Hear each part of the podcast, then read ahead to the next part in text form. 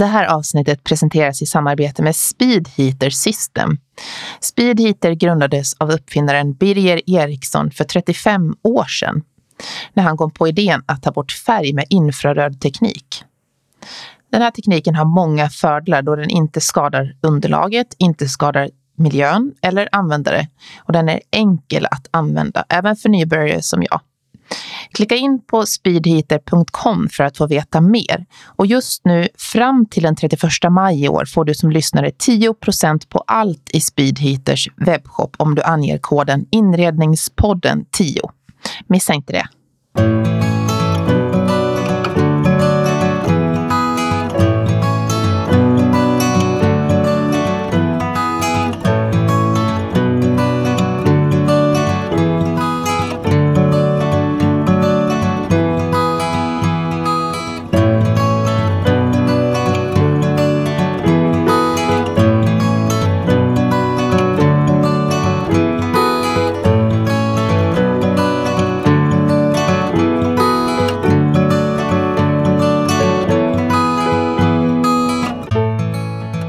Veckans gäst är en av Sveriges mest kända inredare och stylist som arbetat med IKEA, tidigare poddgästen Lotta Agaton och stora fastighetsbolag som JM.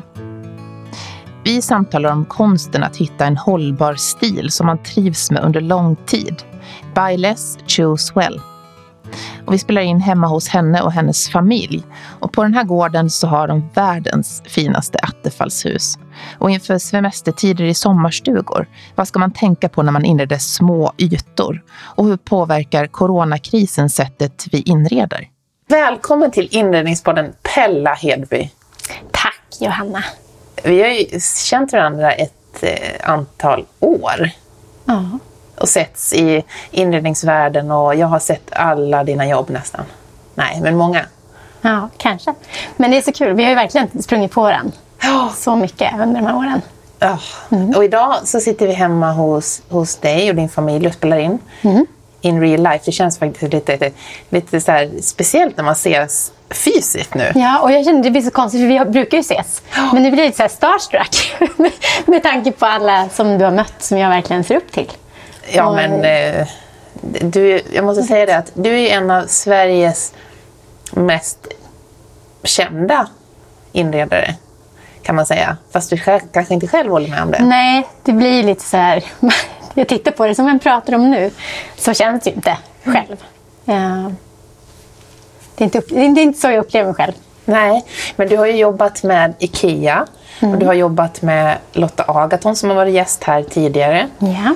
Och sen har du också varit inredningsansvarig på JM under många år. ja, jag var där i 13 år faktiskt. Ja, Så det, var, det var många år. Nej, men det är det man inser när man ska börja någonstans här rättfärdiga vad man gör i branschen. Jag vet när jag skulle hålla en föreläsning på eh, Furniture här senast så kände man också så här, gud vem ska komma och lyssna på mig och vad har jag att säga? Och då måste man någonstans börja rannsaka vad har jag gjort och vem är jag? Och inse att man har ju varit med några år utan att man fattar, det går ju så snabbt. Ja. Och man tycker någonstans att gud, allt är så nytt och allt känns hela tiden som att man är ny i branschen. Men det är klart, tittar man lite i backspegeln så har man ju hunnit med ett och annat. Ja, och jag berättade för dig innan att eh, vi började gå igenom inredningstidningar från många år tillbaka. Ja. Och plötsligt så dyker ditt hem upp på omslaget av en tidning. Och en, ett till omslag för en annan tidning. Och då så sa jag det, åh jag ska träffa Pella, sa jag till min dotter då, som skulle ha tidningarna. Och så började jag visa upp vad, vad du har gjort. Och då ser man att oj, oj, oj. Det här är ju liksom under många år som du har Ja, samtidigt som mitt hem relativt, nu sitter vi här Ja. i omslaget kan man säga, eller med omslaget som vy. Eh, och det ser ju, tänker jag, ändå ganska lika ut. Eller? Mm, ja, det Ja. gör ju det. Jag tänkte vi ska prata om det sen. Att du liksom har lyckats, lyckats med den... Eh, att du liksom lever så som du också lär. Men du måste börja med att, berätta liksom, hur började ditt intresse för inredning? Åh, det är en sån... Eh, kanske inte en svår fråga, det är nog helt naturligt eh, egentligen. Eh, allt, alltså, det har alltid varit, känns helt naturligt. Från att jag var liten och hade världens minsta så här, flickrum med snedtak och ett litet fönster liksom, i knähöjd eh, med en möbleringsmöjlighet så gjorde jag ju allt för att liksom hitta nya varianter. Jag vet att någon gång så fick man typ klättra över sängen för att komma till andra sidan för att uppleva rummet där.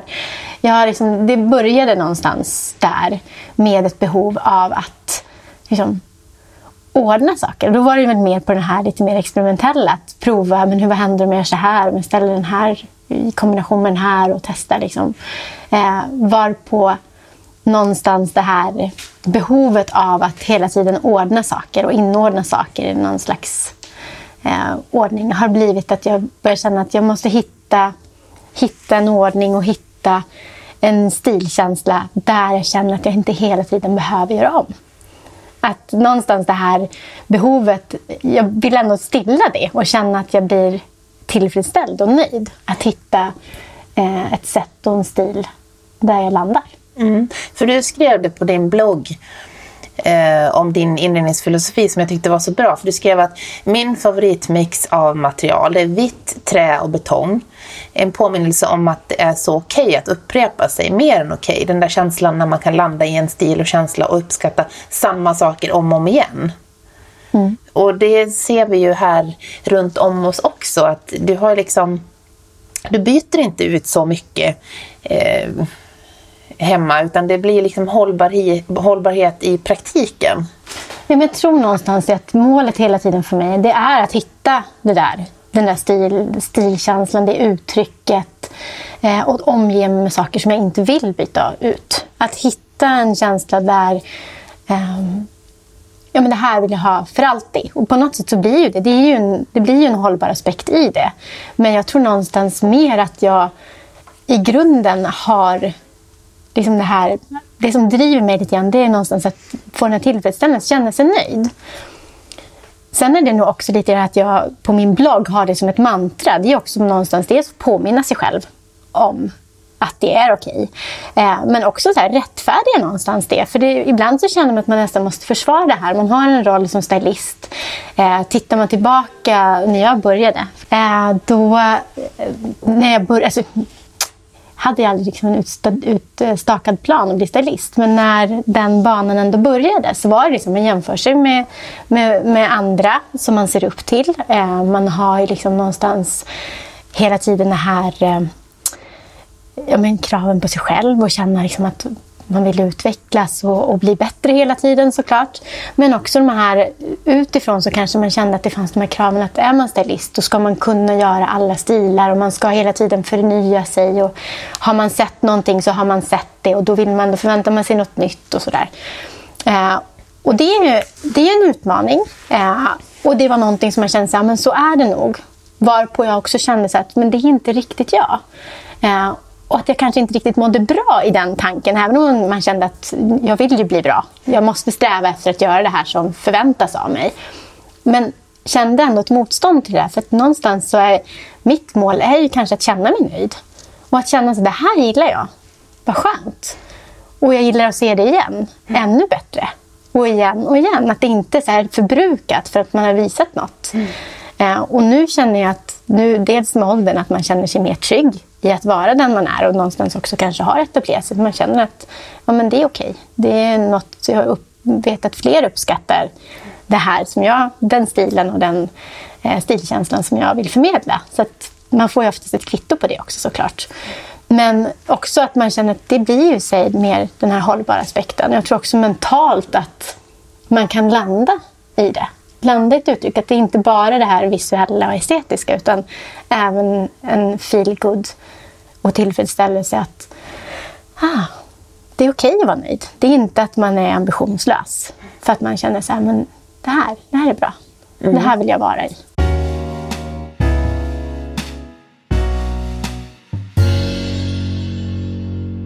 Du har ju en, eh, ett, ett jättestort Instagramkonto och du har en blogg just nu på Residence. Mm. Där du, bloggar, du har bloggat under många år. Många år. eh, vad tror du det är som gör att eh, så många gillar din stil? Så många liksom tilltalas av den? Mm. Eh, det är svårt att svara på kanske sådär eh, Får, som egen person. Men jag tänker att för mig är också lite att min stil är inte, det är inte, det är inte ung eller gammal. Det är inte man eller kvinna. Eh, det är inte en nischad stil egentligen, utan jag tror mer att det är en mix och att jag någonstans hela tiden strävar efter att hitta en harmoni. Eh, det här att känna att man ett uttryck som jag kommer tillbaka till, det här vill jag landa i, så är det oftast rätt behagligt. Eh, stilrent, enkla former, ett uttryck som man inte tröttnar på. Men också det här att man adderar texturer och material. Så det känns, även om det inte är mycket saker, så känns det rätt ombonat. Jag brukar säga det när, när jag började jobba med inredning i, i större utsträckning på JM, och då gjorde vi väldigt mycket visningslägenheter. Och då är ju målet att man ska komma dit och känna så här, åh, här vill jag bo, så här vill jag ha det. Eh, att man fick någonstans öva i det där också. Att vad är det för, vilka, vilka detaljer är det som sätter den här sista känslan? Hur tänker du? För jag tänkte vi skulle prata om det också. Att, just det här med nyproducerade lägenheter. För mm. det är många som, som tar upp och tycker att det är ett problem. För man flyttar in i en nyproducerad lägenhet och det känns så avskalat och opersonligt. Mm. Och du som har inrett så många eh, nyproducerade lägenheter och hus. Hur tänker du? Vad, vad, hur, vad ger du för råd till dem?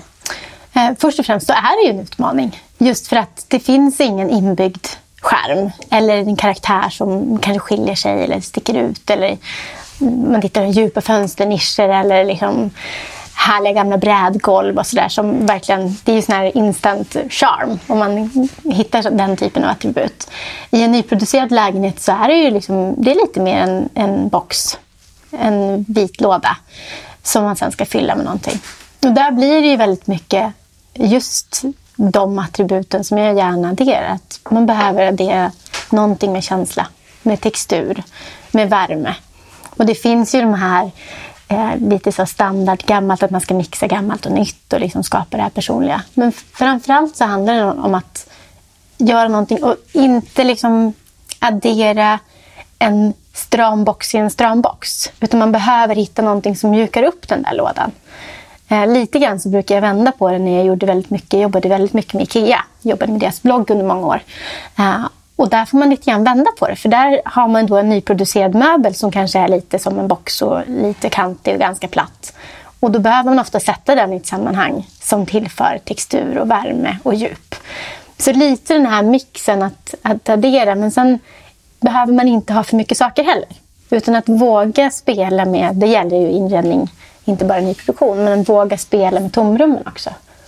Mm, så att man i en nyproducerad lägenhet behöver man inte trycka in för ofta är de ju ganska små, just lägenheter. Det är så pass dyrt att köpa lägenhet så att man mm. har ju ganska liten yta också. Nej, utan verkligen så här, väga vad man tar in. Mm. Titta på proportioner, men också att varje del man tar in, att det är någonting som man har valt med omsorg. Mm. Men jag tänkte på det, du inredde ju idag också många privata hem.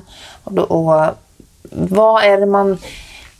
Det är så lätt att man köper när man ska flytta, man går in och liksom tänker att just vi måste ha en sån, vi måste ha, vi köper det så länge tills vi vet vad vi ska ha. Ja. Och så står man där med saker sen som man egentligen inte tycker om men som, ja, som man har kanske svårt att bli av med sen.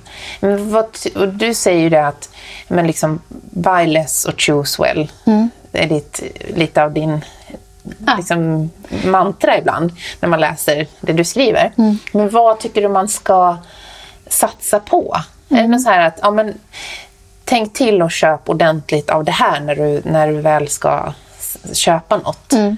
Alltså jag tycker egentligen att det gäller ju allt, från smått till stort, att man såklart ska tänka igenom och verkligen välja med omsorg. Både utifrån hur det är producerat och vad det är för material och så att det känns hållbart. Men verkligen Eh, det du är inne på, det är ju någonting som jag tycker är den största utmaningen med inredning. Att egentligen så är det inte så svårt att inreda, brukar jag säga. Utan det är alla val som gör det svårt. Och jag tror att den här stressen, att det som, som man egentligen kanske då älskar, och inredning, uttryck, stil, känsla, skapa ett hem, att det egentligen är något lustfyllt. För många blir det nästan ångestladdat istället för att man just gör det. Man, man försöker köpa sin stil Eh, och sen står man där och känner att sakerna liksom tar över. Och man, man har egentligen ingen, inget attachment eller verkligen känner för dem utan man försökte göra någonting, skapa en, bild och så blev det inte ens eget. Så, så att verkligen, det som är mitt eh, liksom, huvudråd det är egentligen att verkligen planera för en helhet. Om man ska flytta. Eller jag tänker att man behöver ta ett omtag. Att man har hamnat i det där att oj, nu har jag en massa saker men inget passar egentligen ihop och det känns inget bra. Jag har lagt jättemycket pengar på det här. Att man kanske behöver backa bandet och verkligen göra liksom Marie Kondo-utrensningen. Och känna om det blir, det blir liksom... That it spark joy. Yes. Ja. Nej, men, alltså det, men jag tror att det, de allra flesta skulle må bra av en sån process. Särskilt om man känner att man är i det, att det bara skaver allting. Det känns inte riktigt rätt. Men framför allt då att oavsett om du ska flytta till nytt eller göra om det du har. Backa bandet, sätta sig ner och fundera på utifrån sig själv. Inte utifrån förväntat, en stil som man ska förväntas ha eller saker som man tror att man behöver. Utan verkligen utifrån sig själv. Vad tycker jag om? Vad mår jag bra av? Hitta liksom den här röda lilla tråden och börja nysta i den. Gör en moodboard. Och då är det så att man men hur gör man det? Och liksom att det är ganska stort att ta in och man känner att man rätt går fel. Ta hjälp. Men att man i alla fall gör det utifrån sig själv. Men sen lägga det här pusslet. Och då när du säger så här, vad ska man satsa på? Då tycker jag det är just de, de här stora möblerna såklart. Du ska ha en säng som dels ska vara bekväm. Du ska ju må bra av att sova i den och sova gott i den. Eh, men köpa den också så att den känns stilmässigt i linje med det du vill ha. Nu tittar, vi, nu tittar vi in i ditt sovrum när vi sitter Mycket. här. Man ser liksom hela vårt hem från samma vy. Precis. Eh, så att den, här ser man ju sängen och sovrummet. Eh, och då blir det ju såklart viktigt att det känns som att det hänger ihop med resten. Men det är ju så också att jag tycker att när man får den här harmonikänslan och känner att man, som jag kommer tillbaka till, att det här att man kan landa och inte behöva gå runt och känna att Åh, det där är inte riktigt rätt. Det är ju när saker hänger ihop genom rummen. Och då är det ju någonstans att man har hittat en stilkänsla där det känns ganska naturligt att okej, okay, men sängen ser ut sådär, soffan ser ut sådär. De här detaljerna som adderar och det är någonstans har den en röd tråd och en harmoni och en stilkänsla.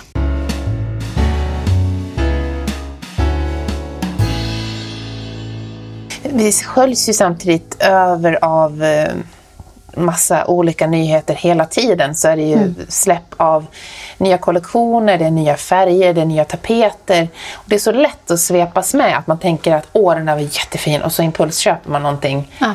som, var, som man tyckte var jättefint i butiken eller på nätet och så klickar man hem det och så blir det fel. Mm.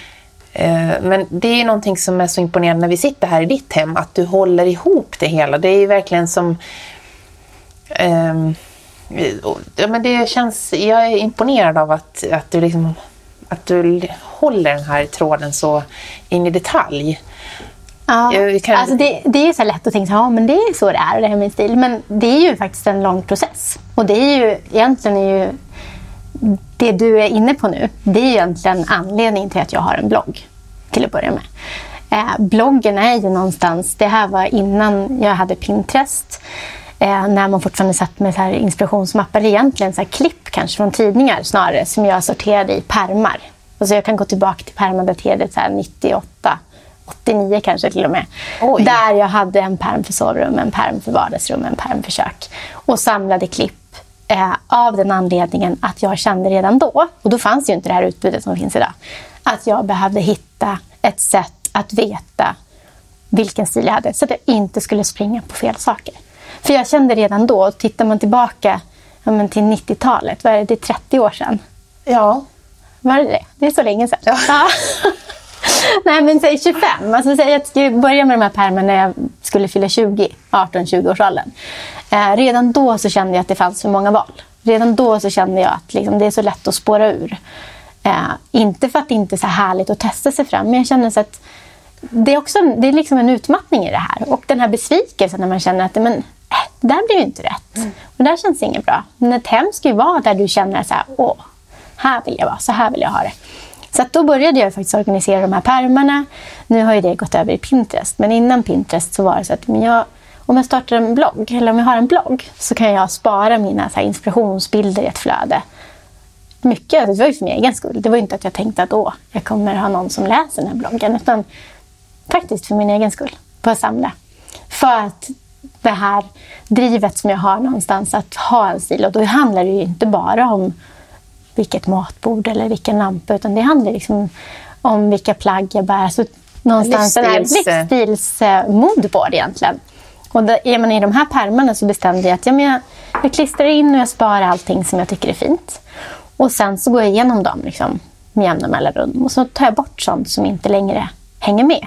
Men går jag in och tittar i de här pärmarna än idag så finns det ju mycket som är så här, ja men det här är ju jag. Det här skulle jag kunnat... Den stolen skulle jag stått här, eller står här nu också. Liksom, som jag ville ha för 20 år sedan. Och då, det blir en slags bekräftelse på att ja, men det är rätt. Och ännu mer nu tänker jag också när någonstans att det blir en bekräftelse här, men när man börjar verkligen känna att den här hållbarhetstanken genomsyrar allt vi gör. Att det någonstans det är det som är målet, att göra mer rätt än fel. Att inte hela tiden ha den här, det här behovet att förändra och förnya och byta ut. Uh, och liksom köpa saker som man känner att det här vill jag leva med. Och kanske titta då i backspegeln som jag kanske gör, går tillbaka till de här termerna. Vill jag ha det för 10 år sedan? Vill jag ha det för 20 år sedan? Och tänka, vill jag ha det om 20 år igen? Att någonstans när man köper något, göra en check. Mm. Som dina stolar som vi sitter i nu. Ja, Som kostar en del uh, att köpa nya. Om, eller köpa begagnat också. ja. Nu är de här, det är, nu, det är i-stolar vi pratar om. Eh, Det är faktiskt eh, min sambos investering sen jag kom in i bilden. Han fick välja stolar. Och jag känner att det kan jag ha påverkat lite. Men, men det han Du la fram dem. lite bilder sådär från... Ja. kan aldrig få vara det här. Eh, Nej, men jag, är, jag är supernöjd med dem. Det är faktiskt de finaste stolar jag vet. Sen är de inte de mest bekväma. Det ska jag ju säga. Jag sitter här på bänken mitt emot dig så du får sitta i, i stolen. Men jag tycker de är enormt vackra. Och det här är faktiskt tre vintage-stolar från olika år, 70-talet. Så då, det är också bekräftelse att vi har ju inte haft dem sen 70-talet såklart. Men de hade hängt med några andra i 30 år innan vi köpte dem. Mm. Men du har ju också blivit en riktig spanare Mer och mer väl? Ja, alltså jag är ju verkligen inget proffs. Jag kan ju verkligen så här, inspireras av de här människorna som, som har byggt upp sitt hem kring eh, nätaktionsfynd. Så har inte riktigt jag gjort. Jag har ju ett annat så. Men däremot så kan jag verkligen fastna i det för jag tycker det är så härligt. Och jag, någonstans så känner jag att när man vill inspireras, när man vill att det är något nytt och något med karaktär så är det ju de alltså, hitta något på auktion eller såklart på loppis eller second hand. Att det blir oftast det som kan krydda en inredning så att det inte heller blir bara att man har plockat ihop ett, ett helt nytt kit. Eh, det kan bli något som sticker ut eller har en egen något udda. Så. Eh, men där kan jag känna verkligen att jag, ju, jag vill inte ha för mycket saker. Jag vill ju snarare skala av och ha det väldigt minimalistiskt för att jag känner att där blir jag stillad och mår bra. Men som inredare och stylist så är man ju hela tiden så att det känns som att åh, gud vad fin. Eh, så jag får brottas lite med mig själv. Att inte ropa hem allt det där och känna att jag ska ha det på något lager utan verkligen när jag behöver det. Ha någon användning för det. Ja, det måste ju vara svårt, som sagt, för dig. Men Ja. imponerande att du har lyckats så bra. Ja, sen så tänker jag, jag resonerar ju väldigt mycket med mig själv. Det är mycket så här med att bloggen, att man, man skriver. Och jag, är rätt, jag är, jag är rätt filterlös. Jag har censurerat mig själv. Jag skriver vad jag tänker oftast. Och funderar lite efteråt. Bara, vad var det där för någon... Vad, har jag, vad behövde jag bearbeta idag egentligen när jag läser igenom det? Men jag kan tänka också lite grann att det här med att det ser väldigt lika ut till viss del så är det ju att jag någonstans känner att det är mitt mål. Att landa och känna mig nöjd och tycka att det är behagligt. Men sen handlar det ju såklart om att man är inte själv i ett hushåll. Min sambo som då har ritat och byggt huset vi bor i, han är ju kanske min... Vi är, vi är nog inte motsats, det är inte ett motsatsförhållande, men han är väldigt sådär... Eh, när man har ställt in en sak så ska den stå där. Han vill inte ha förändring, han ogillar förändring. Medan jag är kanske van att men, saker byter plats och det flyttas runt och det hamnar i ett nytt sammanhang. Det kanske inte alltid behöver komma in något nytt, men att det ändå blir en, en ny känsla och saker förhåller sig till varandra på ett... eh, Ja, eh, man upptäcker något nytt i sitt hem. Så att där tror jag kanske att, att det ser väldigt, det är väldigt eh, slow förändring för att vara mig är ju till viss del en input från honom såklart. Så jag kan ju tänka det att i mina hem tidigare så har ju väggar bytt färg och det har liksom kanske hänt mer. Att jag har processat saker som, som pågår utanför i lite snabbare takt ändå.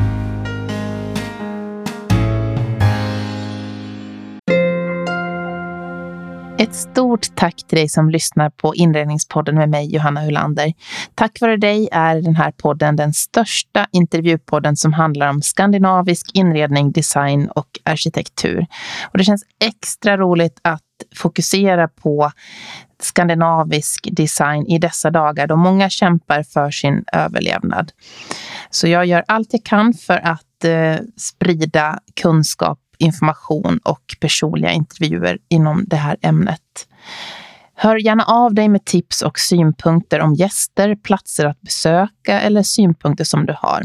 Du som är intresserad av att sponsra podden når mig också via info joelhome.se eller via DM på Instagram. För dig som är ny lyssnare så finns alla avsnitt samlade på inredningspodden.com. Och där finns det olika sätt att lyssna, till exempel Spotify, iTunes eller Acast. Och du vet väl att det finns ett 70-tal avsnitt med många olika spännande gäster i arkivet.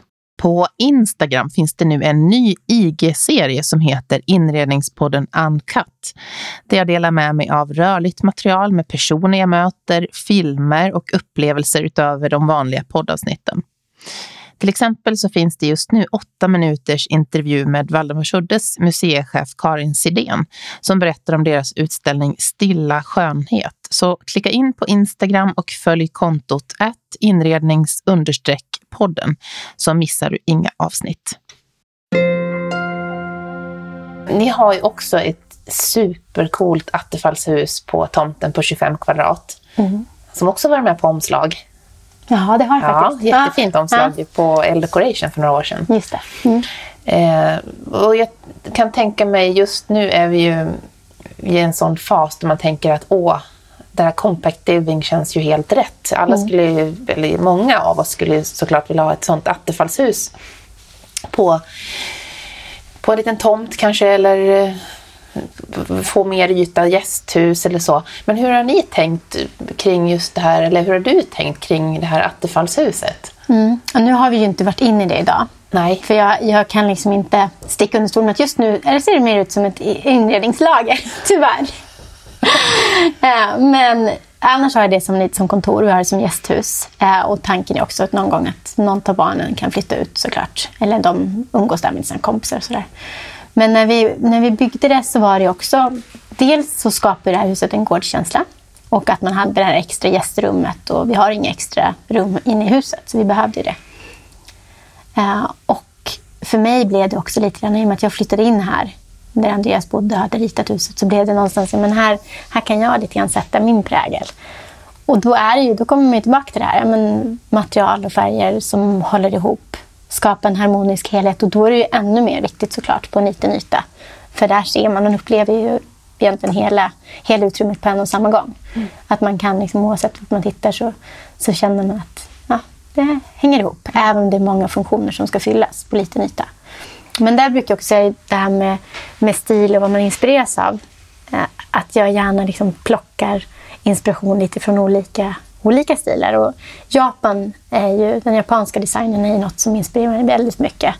Eh, för att ofta så har framförallt det japanska hantverket, men stilkänslan generellt, så blir det det här lite poetiska som jag upplever att det sätter den här sista harmonin och man får verkligen den känslan. Och just när det kommer till compact living så kan man verkligen plocka många delar.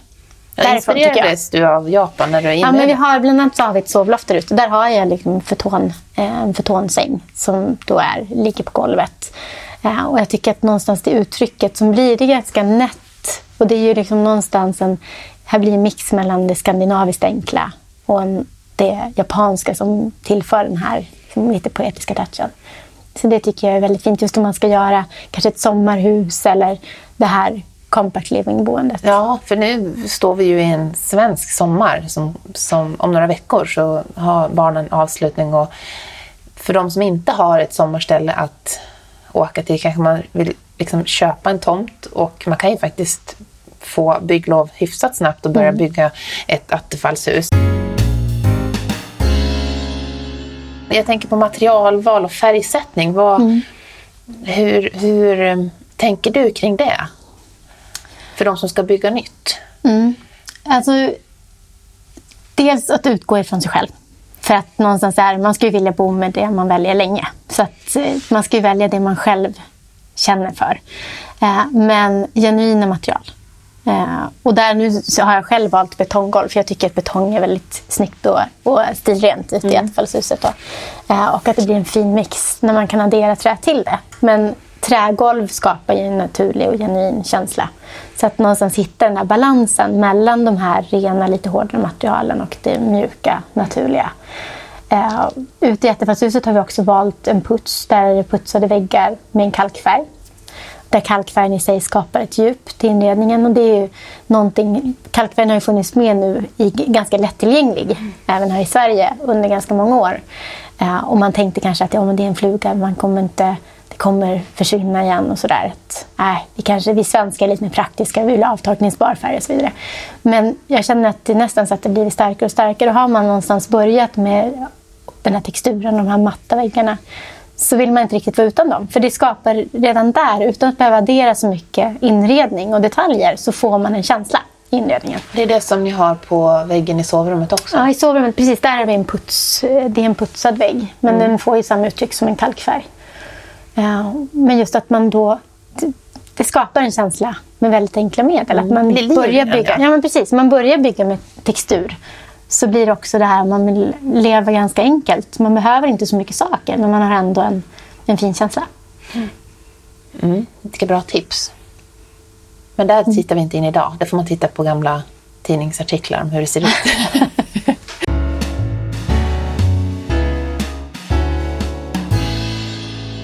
jag tänkte på en annan sak. Vi har ju...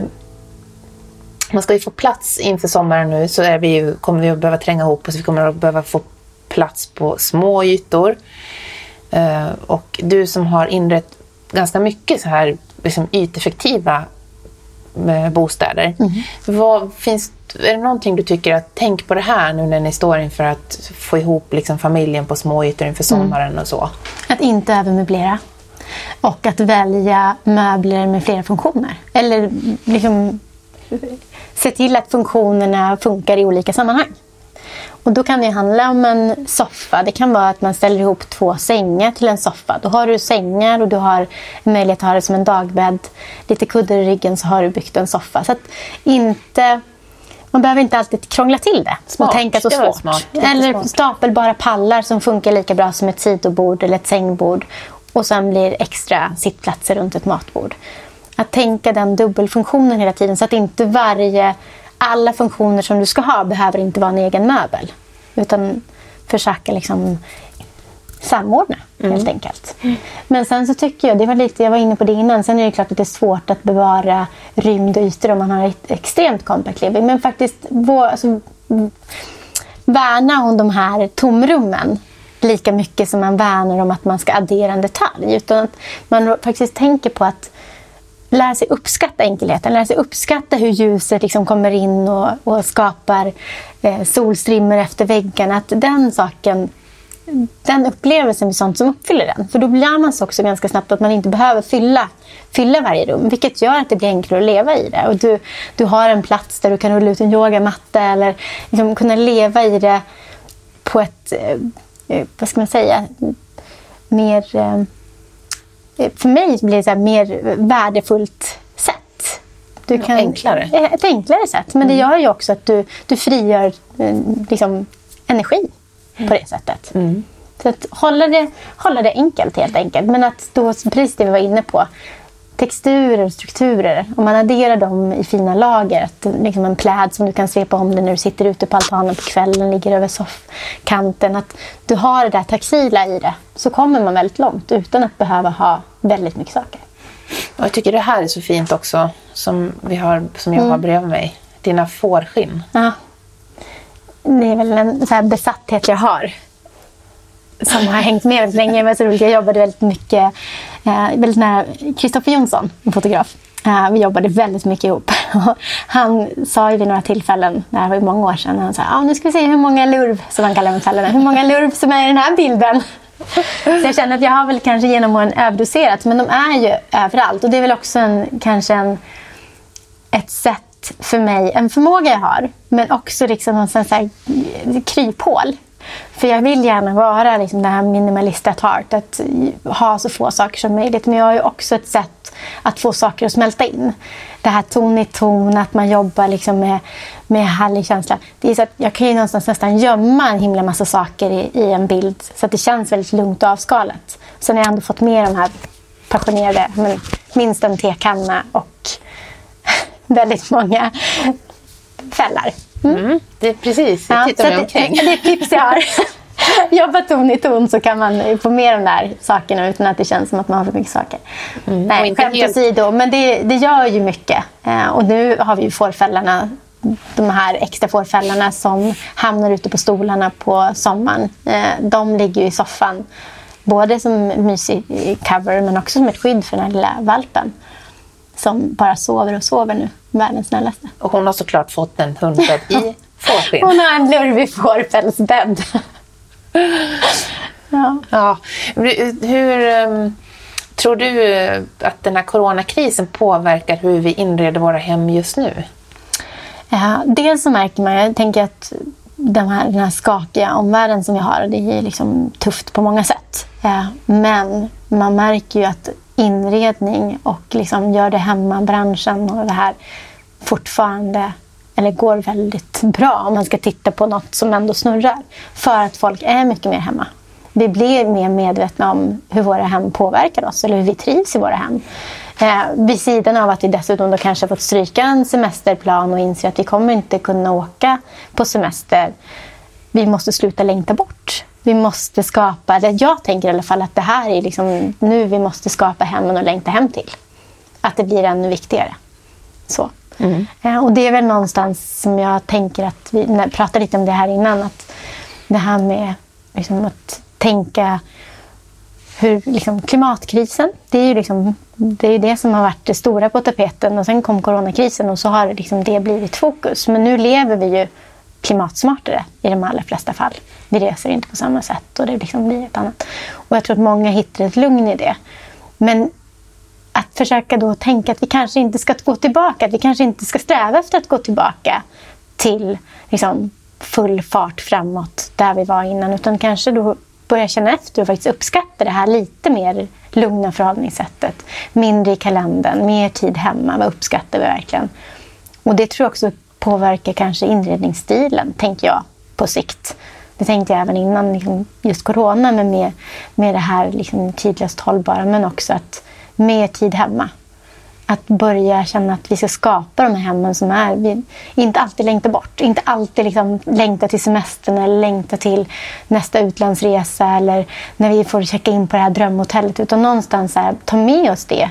Vad är det vi tycker om? Vad är det som gör att vi mår så bra där? Och liksom någonstans hitta, låta det hitta hem själva. Ofta är det där enkelheten. Vi har inte så mycket saker på hotellrummet. Att det finns ett frö där att ta fasta på. Jätteintressant. Jag ger tummen upp. Härligt! Suger i mig allt. Hoppas ni som lyssnar också bara åh. Men du, jag tänker vi ska avrunda. Um, du har en son som ska hämtas.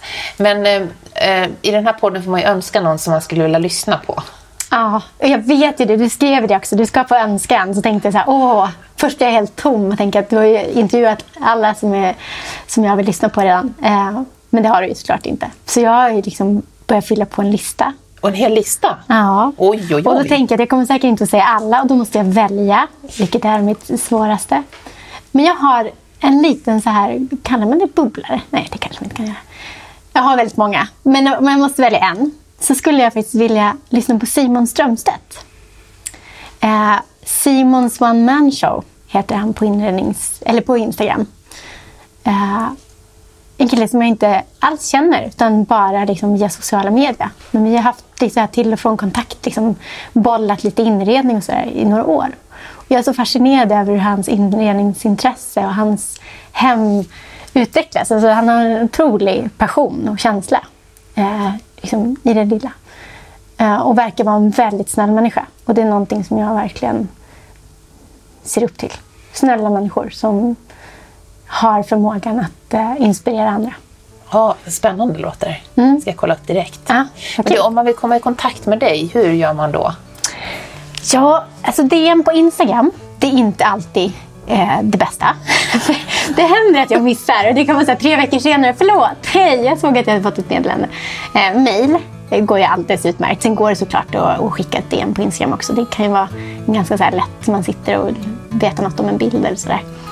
Ja. Men mail är det absolut säkraste. Mm. Mm. Tusen tack Pella. Ja, tack Johanna.